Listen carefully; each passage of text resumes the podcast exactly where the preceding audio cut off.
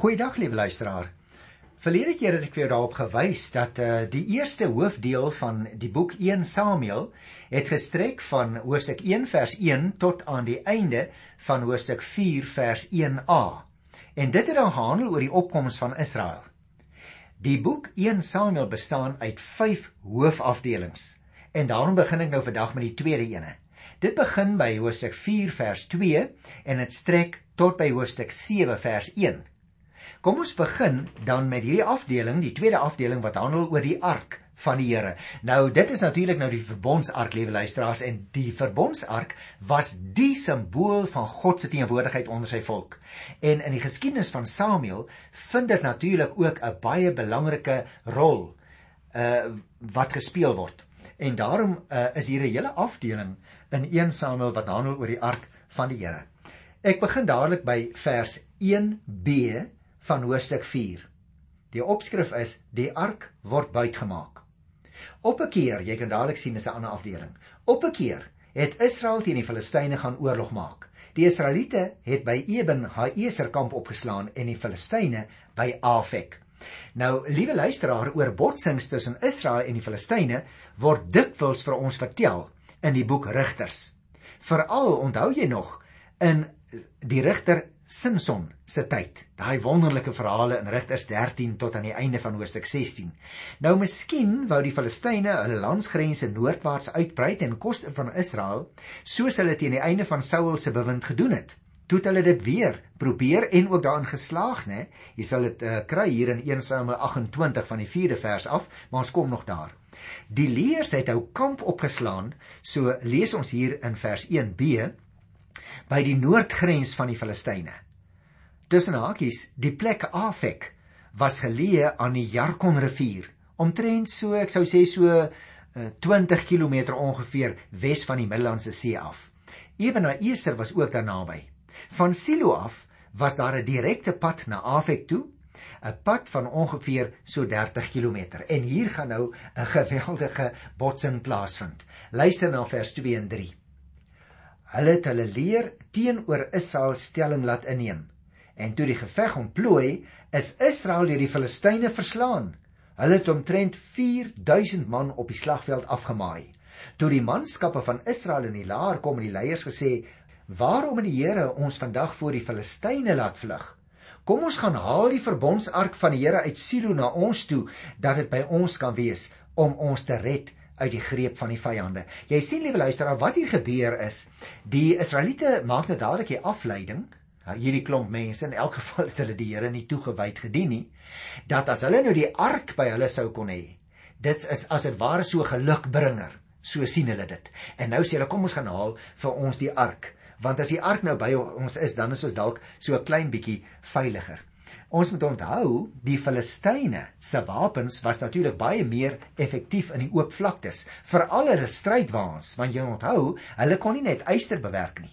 Hulle het ook die kuns bemeester om strydwaans te kon bou. En nou sê hulle, en dan verslaan ons die Israeliete. Die woordjie verslaan, liewe luisteraar, wat hier as 'n werkwoord gebruik word, kom in die Hebreëse teks nogal 3 keer voor in vers 3 en 10 en 17. Hoekom? dit beklemtoon uh dat dit 3 kort veldslae was. Die gebeure wat gelei het uiteindelik tot die buitmaking van die ark. Maar luister nou, nou hoe praat hierdie klomp Israeliete in die derde vers wat ek gelees het? Waarom het die Here ons vandag voor die Filistyne laat vlug? Kom ons gaan haal die verbondsark. Jy sien die verbondsark het die 10 gebooie bevat en bo op die versoendeksel was daar twee gerubs, twee goue engele, né?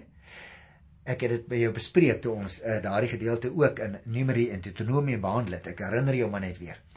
Nou uh, die ark moes in die allerheiligste gedeelte van die heiligdom staan waar die hoë priester net een keer per jaar ingegaan het. Ons moet nou onthou luisteraars tydens die woestynreis en die intog het dit bepaalde funksies vervul. Soos byvoorbeeld dat dit voor die Israeliete uitgetrek het daar in die woestyn, jy sal dit nog onthou. Dat dit byvoorbeeld ook soms in die oorlog saamgeneem is. In die boek Joshua in die 6de hoofstuk lees ons daarvan dat die ark ook gesien is as 'n middel om die Here te raadpleeg in Rigters 20:27. En oor die algemeen is dit soos ek net nou gesê het natuurlik beskou as die simbool van God se teenwoordigheid. Ons moet ook onthou, op hierdie stadium was Eli al oud en die leiding van Israel se leer staan nou onder wat in vers 3 genoem word die leiers, naamlik die familiehoofde wat met selfondersoek begin toe die manskappe nou terug is in die laar. Vra hulle vir hulle self nou, hoekom het ons die nederlaag gelei? In die tyd moet ons ook onthou, liewe luisteraar, bestaan die leer van Israel nog net uit die grondeienaars vir wie dit 'n eer was om vrywillig en op eie koste vir hulle mense en vir hulle land te gaan veg. Die vraag wat hulle nou vra, waarom het dit nou gebeur? Lei egter nie tot selfverootmoediging nie. Maar die afwesigheid van die ark kry die skuld. Jy sien in die verlede was die verbondsark soms teenwoordig tydens veldslae en nou aanvaar die leiers sonder meer maar net dat dit hulle sal red as die ark weer in hulle midde is. Die ark verteenwoordig naamlik die Here se aanwesigheid by sy volk. Hy sit onsigbaar vir die menslike oog op die ark wat gesien is as sy troon, so het hulle dit verstaan. Die leiers dwing dus nou vir God in 'n sekere sin om na hulle toe te kom. Jy sien, hulle vra nie vir hulle self af hoe lyk ons verhouding met die Here nie. Hulle begin amper in 'n stuk van wat ek sou noem bygelowigheid vasklou aan die ark. Nou luister na vers 4 en 5. Die manskap het na Silo toe gegaan en die verbondsark van die Here die Almagtige wat oor die Gerub stroon van Silo af laat bring. Eli se seuns Hofni en Pinias was ook by die verbondsark van God. Toe die verbondsark van die Here in die laar kom, het die hele Israel so hard geskree dat die aarde weer galm het. Jy sien, hulle is nou verskriklik bly natuurlik as die verbondsark na hulle toe sou kom, maar dit gaan steeds nie daaroor vir hulle dat hulle hulle voor die Here moet verootmoedig nie.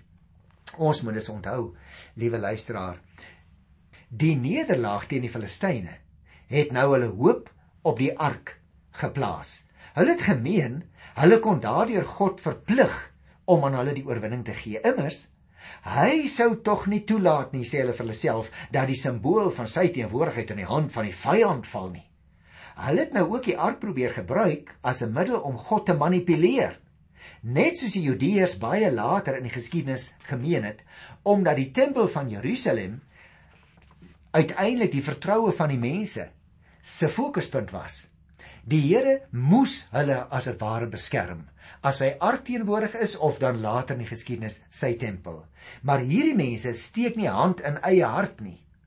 Met die benaming die verbondsark word juis die klem gelê op die verbond en op die teenwoordigheid van die Here by die ark. Met die woorde wat ons hier gelees het in die 4de vers die Here die almagtige wat oor die Gerub stroon beklemtoon die Bybelskrywer vir ons die vrymag en die almag van die Here wat die koning oor hulle is. Hy het heersers mag en die Gerubs op die ark is maar net die plek waar hy sy wil bekend maak.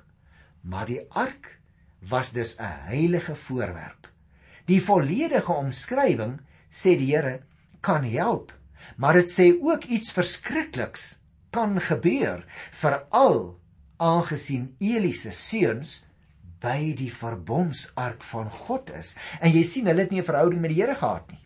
Daarom het ons hier 'n baie ongesonde situasie. Kom ek lees van die 6ste vers af. Die Filistyne die geskreeu gehoor gevra, "Wat vir 'n geskreeu is dit in die laar van die Hebreërs?"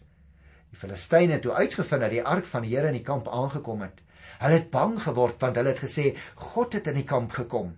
Verder het hulle gesê dis klaar met ons want so iets het nog nooit gebeur nie. Dis klaar met ons. Wie sal ons red uit die mag van hierdie geweldige God? Dit is die God deur wie die Egiptenaars in die woestyn getref is met allerlei plaae. Jou luisteraar, kan jy glo dat die ongelowiges bang word vir die gesag en die mag van God terwyl die wat aan hom glo hulle vertroue stel op 'n ark op 'n voorwerp en nie op God nie. Die leer het ons nou hier gelees hef byvoorbeeld by voorbaat 'n oorlogskreet aan by Israel wat ook die jubelkreet van 'n oorwinnaar is en dit maak die Filistyne bang want saam met die ark sê die Filistyne vir hulself het God in die kamp van die Hebreërs gekom en die Filistyne het gehoor van sy mag van tevore. Hulle is angsbevange, wanhoopig En dit blyk juis uit hulle uitroep en hulle vrae wat ook die indruk van chaos in hulle laar veronderstel. Veral in die derde uitroep, liewe luisteraar, erken die Filistyne hulle onmag teenoor die mag, soos hulle dit noem, van die Here. Op 'n baie knap manier bring die skrywer nou hier twee nuwe temas in sy verhaal in: die mag van die Here, waardeur hy later sy hand swaar lê op die Filistyne en die plaag waarmee hy hulle sal tref wat ons later gaan teekom. Jy sien die hoogtepunt van die stryd tussen God en Egipte was in die woestyn en hieroor het angs die Filistyne nou skielik begin beetpak want hulle het gehoor van die wonderlike reddingsdade van die Here. Nou lees ek hier van die 9de vers af. Nou sal julle moet dapper wees. Gedra julle soos manne Filistyne sodat julle nie miskien slawe word van die Hebreërs soos hulle julle slawe was nie. Gedra julle soos manne en veg. Met ander woorde, hulle probeer hulle self bemoedig. En dan staan daar by vers 10: Hierna die Filistyne gaan veg en die Israeliete is weer verslaan. Hulle het gevlug elkeen na sy woonplek toe. Daar was 'n baie groot slag en 30000 voetsoldate van Israel het geval. En luister na vers 11. Die ark van God is ook gevat en Eli se twee seuns Hofni en Pineas het omgekom. Ons kry hier, liewe luisteraars, eintlik 'n baie kort verslaggie van die veldslag. Maar dit loop op na 'n klimaks toe hier in die 11de vers. Eli se twee seuns Hofni en Pineas het omgekom staan daar. En daarmee natuurlik is die woord van die Here vervul uit hoofstuk 2 vers 34 wat gesê die seuns gaan op 'n onnatuurlike manier sterf. Die vloek wat hulle oor hulle self gebring het oor hulle ontrou aan die Here het werklikheid geword. Die verteller het die verlies van die ark anders beleef as die volk. Jy sien dat die ark van God gevat is word vir die outeur die kerngedagte in wat ons nou hierna gaan lees en waarin hy uiteindelik die werkwoord vat gebruik om die onmag en die vernedering van die Filistyne te beskryf. En daarom as ons nou by die 12de vers kom, nou is die seuns Hofni en Pinias, uh, Eli se seuns is nou dood. En nou kom ons by die dood van Eli.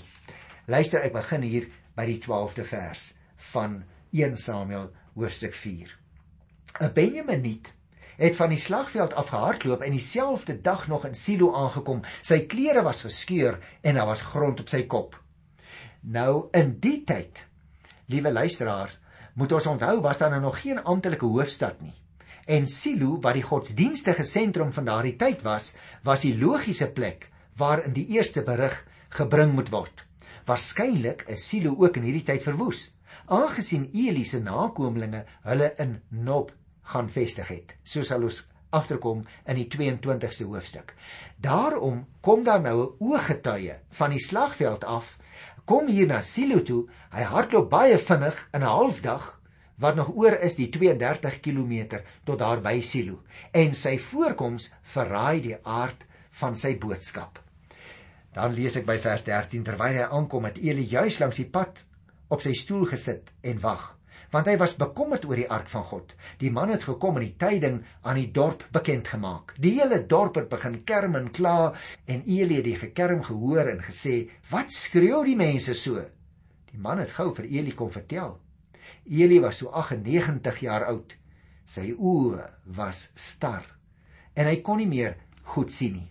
Jy sien die omstandighede in Silo wanneer die Benjaminiet, soos dit hier die man hier genoem word, in wie se stamgebied Silo lê, die boodskap bring, word nou hier in vers 13 tot by vers 15 baie kortliks geskets. Vir Eli gaan dit om die ark, om die eer van God. In die oordeel oor sy seuns het hy berus. So het ons gelees toe die Here dit vir hom gesê het in Hosea 3 vers 18 by monde van Samuel. Die boodskap, liewe luisteraars, vertel dus die nuus, het jy opgemerk, in stygende rangorde. Die volk het gevlug. Hulle het verliese gely. Die twee seuns is dood. Die ark is geneem. Met ander woorde, die berig van die ark was so 'n groot skok dat Eli van sy sitplek afgeval het en net daar op die plek gesterf het. Sy kommer oor die ark was groter as hy kommer oor sy seuns. En weet jy, dis eintlik vir my so 'n bietjie hartverskeurende dat hierdie man wat so toewyding vir die Here gehad het, nie mooi na sy seuns gekyk het en nie vir hulle baie mooi vertel het wat die Here van hulle verwag nie. Nou as jy nou lees van vers 19 tot 22, dan sal jy ook sien die skok oor die verlies van die ark het ook die dood van Pinias se vrou weens 'n te vroeë geboorte veroorsaak. Met ander woorde, die angs dat God saam met die ark die land kon verlaat het, het die vreugde oor haar baba heeltemal oorskadu.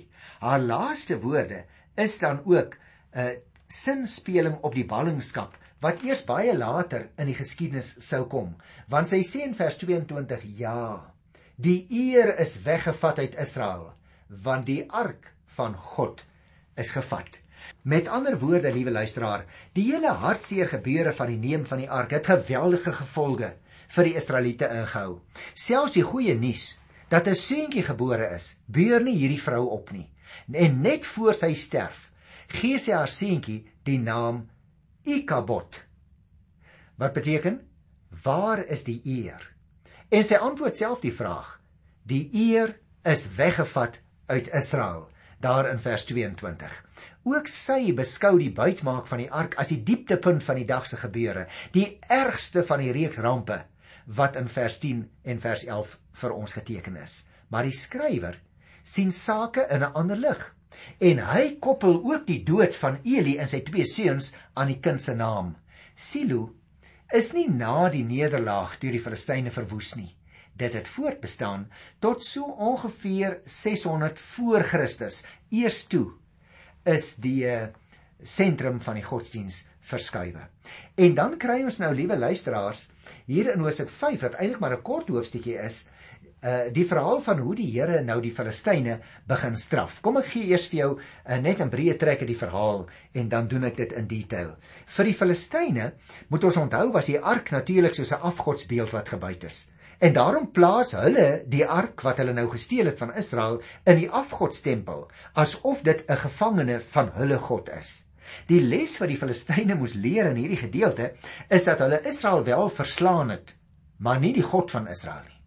Hulle moes leer dat die Here nie sou toelaat dat die simbool van sy teenwoordigheid misbruik word nie. Liewe luisteraar, God laat nie toe dat sy simbole, ook byvoorbeeld die doop en die nagmaal, misbruik word nie. Kom ons kyk nou na die eerste 2 verse van 1 Samuel 5. Die Filistyne het die ark van God gevat en dit van Ebena Eser af na Asdod toe gebring. Ja, die Filistyne het die ark van God gevat. Hulle het dit na die tempel van Dagon toe gebring en langs Dagon neergesit. Dan vertel die derde vers: Toe die Asdodiete die volgende môre uitgaan, het Dagon vooroorgeval en op die grond gelê voor die ark van die Here. Hulle het vir Dagon opgetel en op sy plek teruggesit. Die volgende dag het hulle vroeg opgestaan en Dagon het weer vooroorgeval op die grond gelê voor die ark van die Here. Die kop van Dagon en sy twee hande het afgebreek op die drempel gelê, net sy lyf het oorgebly.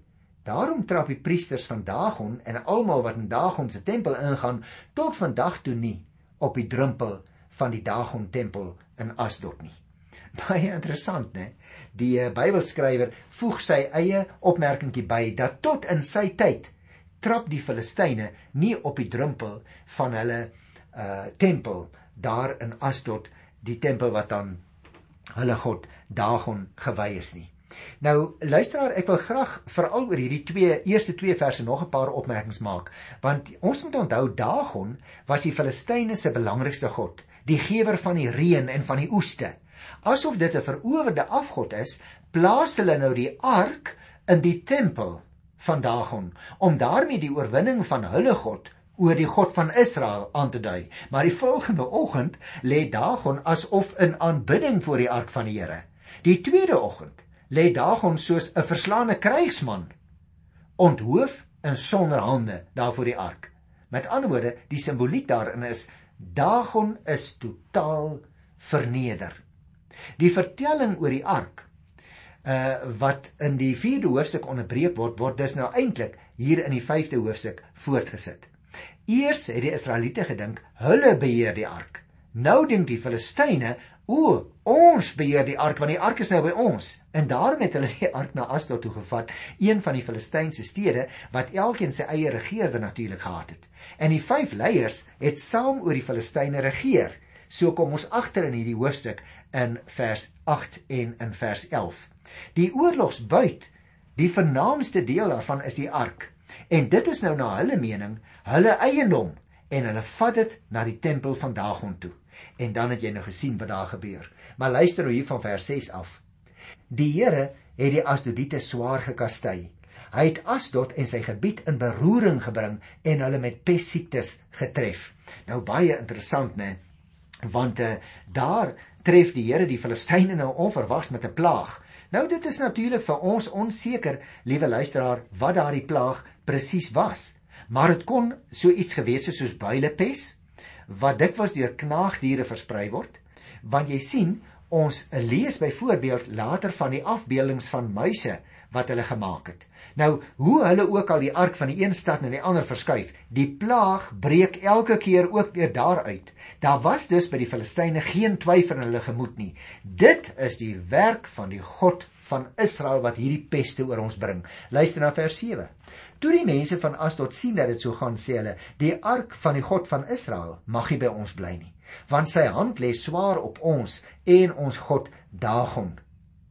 Daarom is dit nou belangrik dat ons sal opmerk hier by die 7de vers: Die Here verwar nou hierdie klomp Asdodiete.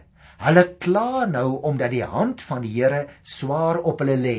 In vers 8 sê: Hulle het toe boodskappers gestuur en al die regerders van die Filistyne in Asdod laat bymekaar kom en gevra: "Wat moet ons maak met die ark van die God van Israel?" Die regerders het gesê: "Die ark van die God van Israel moet na Gat toegevat word." Hulle het toe die ark van God van Israel daarheen gebring. Die ark is dus deur die politieke leiers as oorlogsbuit na Asdod toegebring. Daarom moes die regerders daaroor besluit. Hulle reël nou dat dit na Gat toegevat word.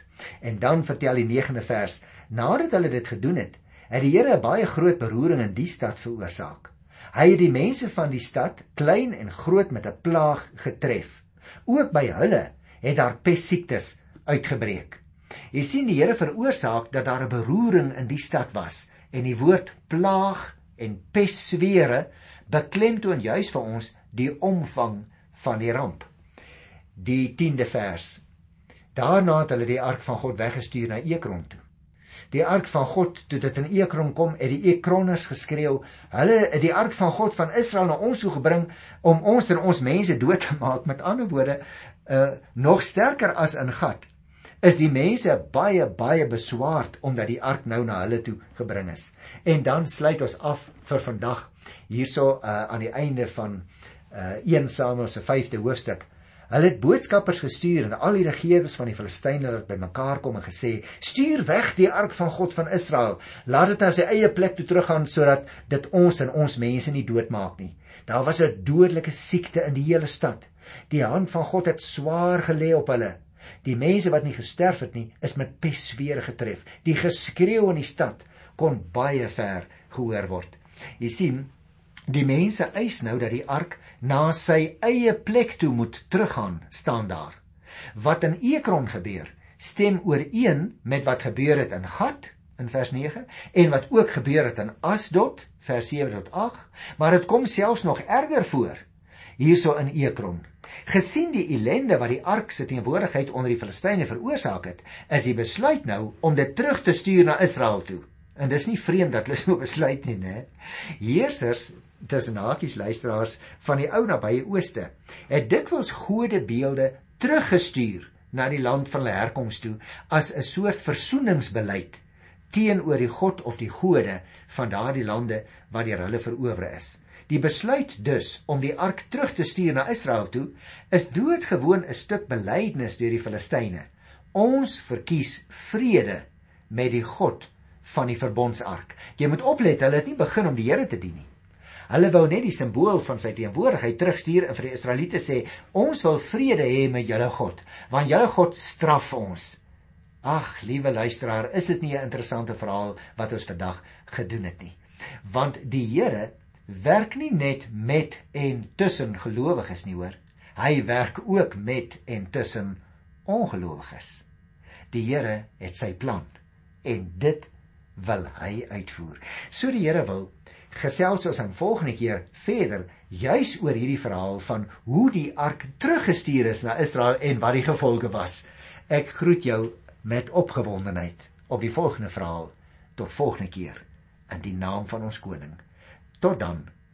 Totsiens.